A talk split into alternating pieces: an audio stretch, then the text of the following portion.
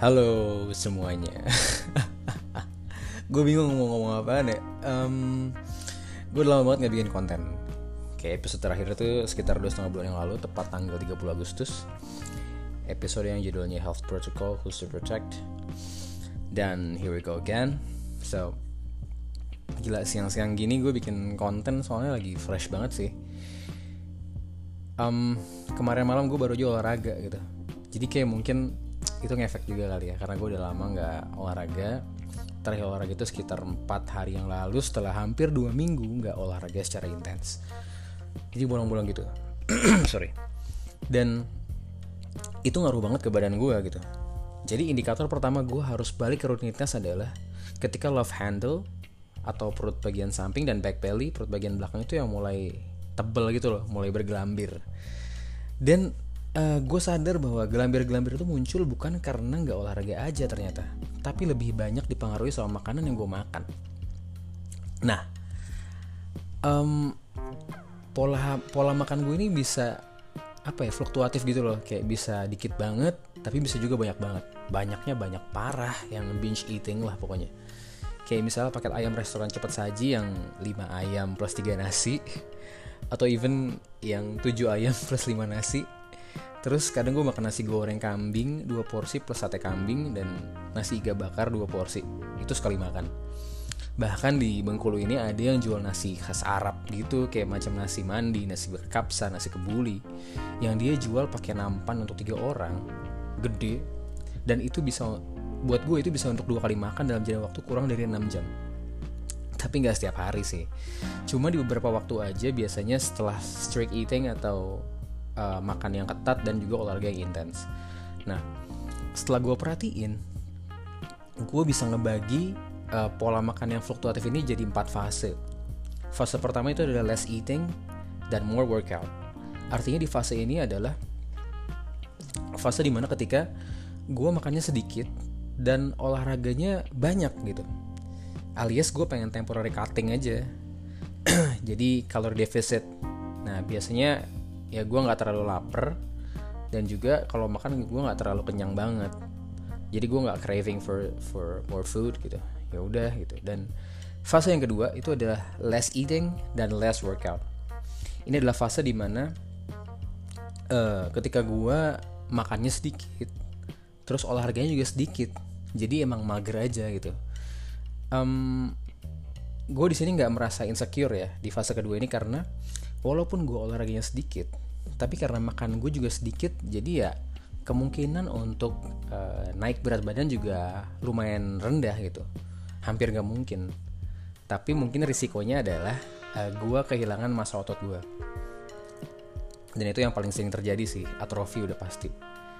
Nah fase yang ketiga adalah more eating dan more workout. Artinya uh, eh, gue makannya banyak tapi olahraganya juga banyak gitu Nah, di sini biasanya tujuannya adalah untuk temporary bulking. Nah, ada istilah cutting sama bulking sebelumnya. Jadi, um, cutting itulah kondisi atau uh, fase di mana lo pengen otot lo lebih terdefinisi, yaitu dengan cara kalori deficit, supaya uh, lo bisa mengikis uh, persentase lemak yang lo yang, yang lo punya gitu. Dan kalau misalnya bulking, bulking adalah ketika lo pengen naikin masa otot lo udah pasti dengan cara kalori surplus gitu.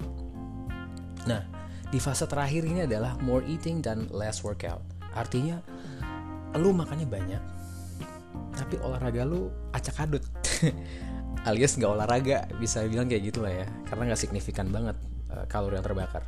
Nah, ini adalah fase yang lagi gue alamin, fase laparan dan males yang lagi tinggi tingginya gue rasa fase-fase ini lumayan relate untuk orang-orang yang sekolah olahraga. Nah, tapi disclaimer nih untuk Ade Rai dan kawan-kawan ya yang udah masuk level expert dan profesional mungkin gak bisa relate. Karena mereka adalah orang-orang yang sangat persisten dan punya disiplin yang tinggi untuk menjalankan pola hidup sehat. Udah panutan banget lah. Mungkin itu adalah cita-cita gue dan sebagian besar orang untuk bisa di mode zen seperti itu yang ya udah mereka nggak peduli dunia uh, bergerak uh, counter clockwise atau clockwise ya udah mereka tetap makan sehat gitu dan olahraga. Salut banget pokoknya. Nah baik lagi nih. Terus terang gue sangat menikmati fase keempat ini. Siapa sih yang enggak kayak lu makan banyak dan lu nggak perlu mikirin olahraga lu nggak perlu mikirin aduh gila gue gemukan nih atau aduh gila gue belum olahraga nih ya meskipun kadang gue kepikiran juga sih.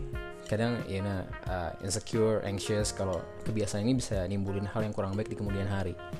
Ya lumayan insecure sih. Khawatir kalau sampai memicu obesitas dan gangguan kesehatan lainnya. Ya gak sih?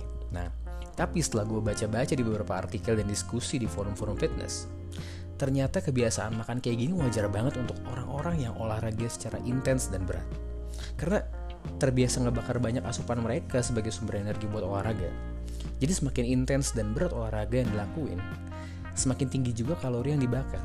Jadi semakin besar juga asupan makanan yang mereka butuhin. Gitu Ibarat kata kayak mobil. Semakin besar kapasitas mesinnya, semakin besar juga tenaganya dan semakin besar juga bahan bakar yang diperluin gitu loh. Kayak misalnya lo ngebandingin uh, low cost green car LCGC dan uh, big SUV gitu. Kita nggak perlu sebut merek, tapi kita coba bandingin aja. Tenaga big SUV pasti jauh lebih besar daripada LCGC. Udah pasti mesinnya lebih besar dan pastinya juga uh, eh, BBM yang dibutuhkan juga lebih banyak, lebih boros. Ya, relatif lebih boros ya. Nah, contoh konkretnya adalah tukang bangunan atau yang kita biasa sebut kuli. Nah, rata-rata tuh badan mereka atletis dan gak gemuk. Padahal porsi makan mereka juga banyak banget gitu. Bahkan sampai ada celutukan, wah gila lu makan porsinya porsi kuli ya lo gitu. Saking you know uh, porsi makan kuli itu ikonik dan legend banyak gitu loh. Nah, karena emang intensitas pekerjaan mereka tinggi gitu butuh tenaga fisik yang besar jadi ya nggak heran kalau asupan makan harus besar juga nah ini juga menyangkut ke metabolisme tubuh perannya penting banget jadi metabolisme sendiri itu adalah semacam proses mengubah makanan dan minuman maksudnya secara kimiawi ya secara kimia dalam tubuh kita yang kita konsumsi menjadi energi nah energi dibutuhkan oleh tubuh supaya sel sama jaringan tubuh itu tetap sehat tetap uh, tumbuh regenerasi supaya fungsinya fungsi tubuh kita tuh berjalan dengan baik. Nah, tingkat metabolisme setiap orang itu beda-beda juga. Metabolisme yang tinggi menyebabkan tubuh kita akan lebih cepat merubah asupan makanan menjadi energi. Dan sebaliknya, metabolisme yang rendah membuatnya jadi lebih lambat. Itulah kenapa ada orang yang susah naikin berat badan, ada juga yang susah nurunin berat badan. Nah, tapi proses metabolisme nggak sesederhana itu gitu ada banyak banget variabel yang ngaruh. Kayak misalnya genetik atau keturunan, terus juga tinggi dan berat badan, komposisi tubuh, jenis kelamin, umur, hormon, dan juga tingkat aktivitas. Kayak misalnya pekerjaan yang banyak melibatkan fisik sama olahraga.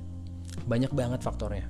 Tapi kebetulan juga gue kan bukan ahli gizi jadi nggak bisa banyak ngejelasin secara ilmiah ya. Jadi cuma secara superficial. Silahkanlah kalian googling untuk lebih lengkapnya gitu. Nah, ngelihat variabel-variabel tadi bisa dibilang bahwa metabolisme tubuh itu bisa berubah-ubah loh. Tergantung sama asupan makanan dan aktivitas yang kita kerjain setiap harinya. Jadi kunci nurunin atau naikin berat badan yang selama ini kita anggap susah itu ujungnya ya di metabolisme. Bukan kita yang menyesuaikan diri terhadap metabolisme tubuh, tapi metabolisme tubuh lah yang harus disesuaikan sama kebiasaan kita.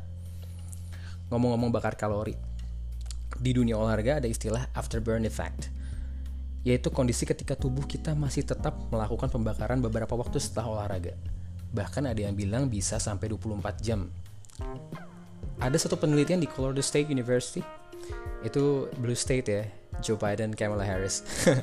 Jadi mereka mengamati beberapa partisipan yang ngelakuin olahraga intensitas tinggi atau bahasa gaulnya HIIT, High Intensity Interval Training, dan mengukur seberapa besar kalori yang terbakar sampai 24 jam setelahnya mereka ngambil kesimpulan, ya emang bener sih masih ada pembakaran sampai 24 jam setelah HIIT. Tapi jumlahnya nggak signifikan dan jauh berkurang dibanding sesaat setelah partisipannya olahraga. Tapi kan ya emang pada dasarnya pembakaran kalori akan berlangsung secara menerus, terus menerus gitu. Bahkan kita napas pun ada energi yang dikeluarkan sama tubuh. Nah, gue dari tadi pakai nah terus ya.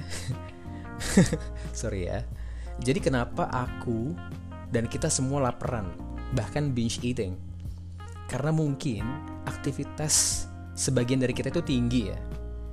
Terutama yang membutuhkan tenaga fisik. bisa pekerjaan, bisa juga dari aktivitas olahraga. Sehingga tubuh butuh jumlah asupan yang tinggi juga untuk bahan bakarnya. Dan ini berpengaruh ke laju metabolisme tubuh kita yang meningkat. Akhirnya bikin rasa rasa lapar tuh datang lebih cepet gitu. Terus makan banyak bahaya nggak sih? Kalau nggak kekontrol ya bahaya. Bisa ngarah ke obesitas atau gangguan kesehatan lain yang tadi gue udah bilang. Oleh karena itu, penting banget buat kita terus monitor dan evaluasi makanan apa aja nih yang udah masuk ke perut kita. 1 sampai 2 minggu terakhir lah minimal. Kalau perlu kita hitung kalorinya. Kasih batas toleransi itu wajib banget. Apalagi untuk uh, orang-orang yang metabolis tubuh metabolisme tubuhnya teh tinggi karena genetik gitu, bukan karena aktivitas. Kebiasaan ngitung kalori itu sangat dianjurkan sih. Karena laten banget nih efeknya gak akan dirasain langsung tapi dalam beberapa tahun ke depan itu baru muncul nih symptomsnya itu juga perlu diperhatiin nah nah lagi kan tapi kalau misalnya kita udah bisa ngendaliin nafsu makan dan tahu kalau fase laparan ini nggak berlangsung terus menerus ya aman-aman aja. Selama kita terus konsisten ngimbangin sama olahraga dan mau menahan diri itu penting banget sih. Atau gampangnya cari alternatif makan atau minum yang rendah kalori sebagai substitusi lah. Syukur-syukur bisa ngenyangin juga. Kayak misalnya sayur-sayuran protein. Nah susu protein juga ngenyangin nih khususnya kasein ya karena dia slow digest atau lambat dicerna tubuh. Alhasil kita jadi gampang kenyang dan awet kenyangnya. Buah juga bisa sebagai substitusi selama nggak berlebihan karena kandungan gulanya juga tinggi meskipun itu pemanis alami ya. Alih-alih kita nahan lapar malah naikin berat badan nantinya gitu loh. Jadi kita tuh nggak perlu takut makan banyak selama masih dalam batas toleransi. Inget ya batas toleransi. Dan yang terpenting adalah kita harus selalu punya siasat untuk menjaga pola hidup yang sehat nggak perlu jaga makanan yang ketat-ketat banget santai aja gitu loh kenali tubuh kita sendiri deh pokoknya Habis itu kita juga harus nemuin cara menjalani hidup sehat yang kita suka dan nyaman. Itu yang paling penting nikmatin prosesnya dan jadiin pola hidup sehat sebagai kebiasaan jangka panjang. Oke, okay, guys. So, that's it. Semoga bermanfaat ya. Ini makasih banget udah mau dengerin ngalor ngidul ini siang-siang. So, see you on the next podcast. Assalamualaikum.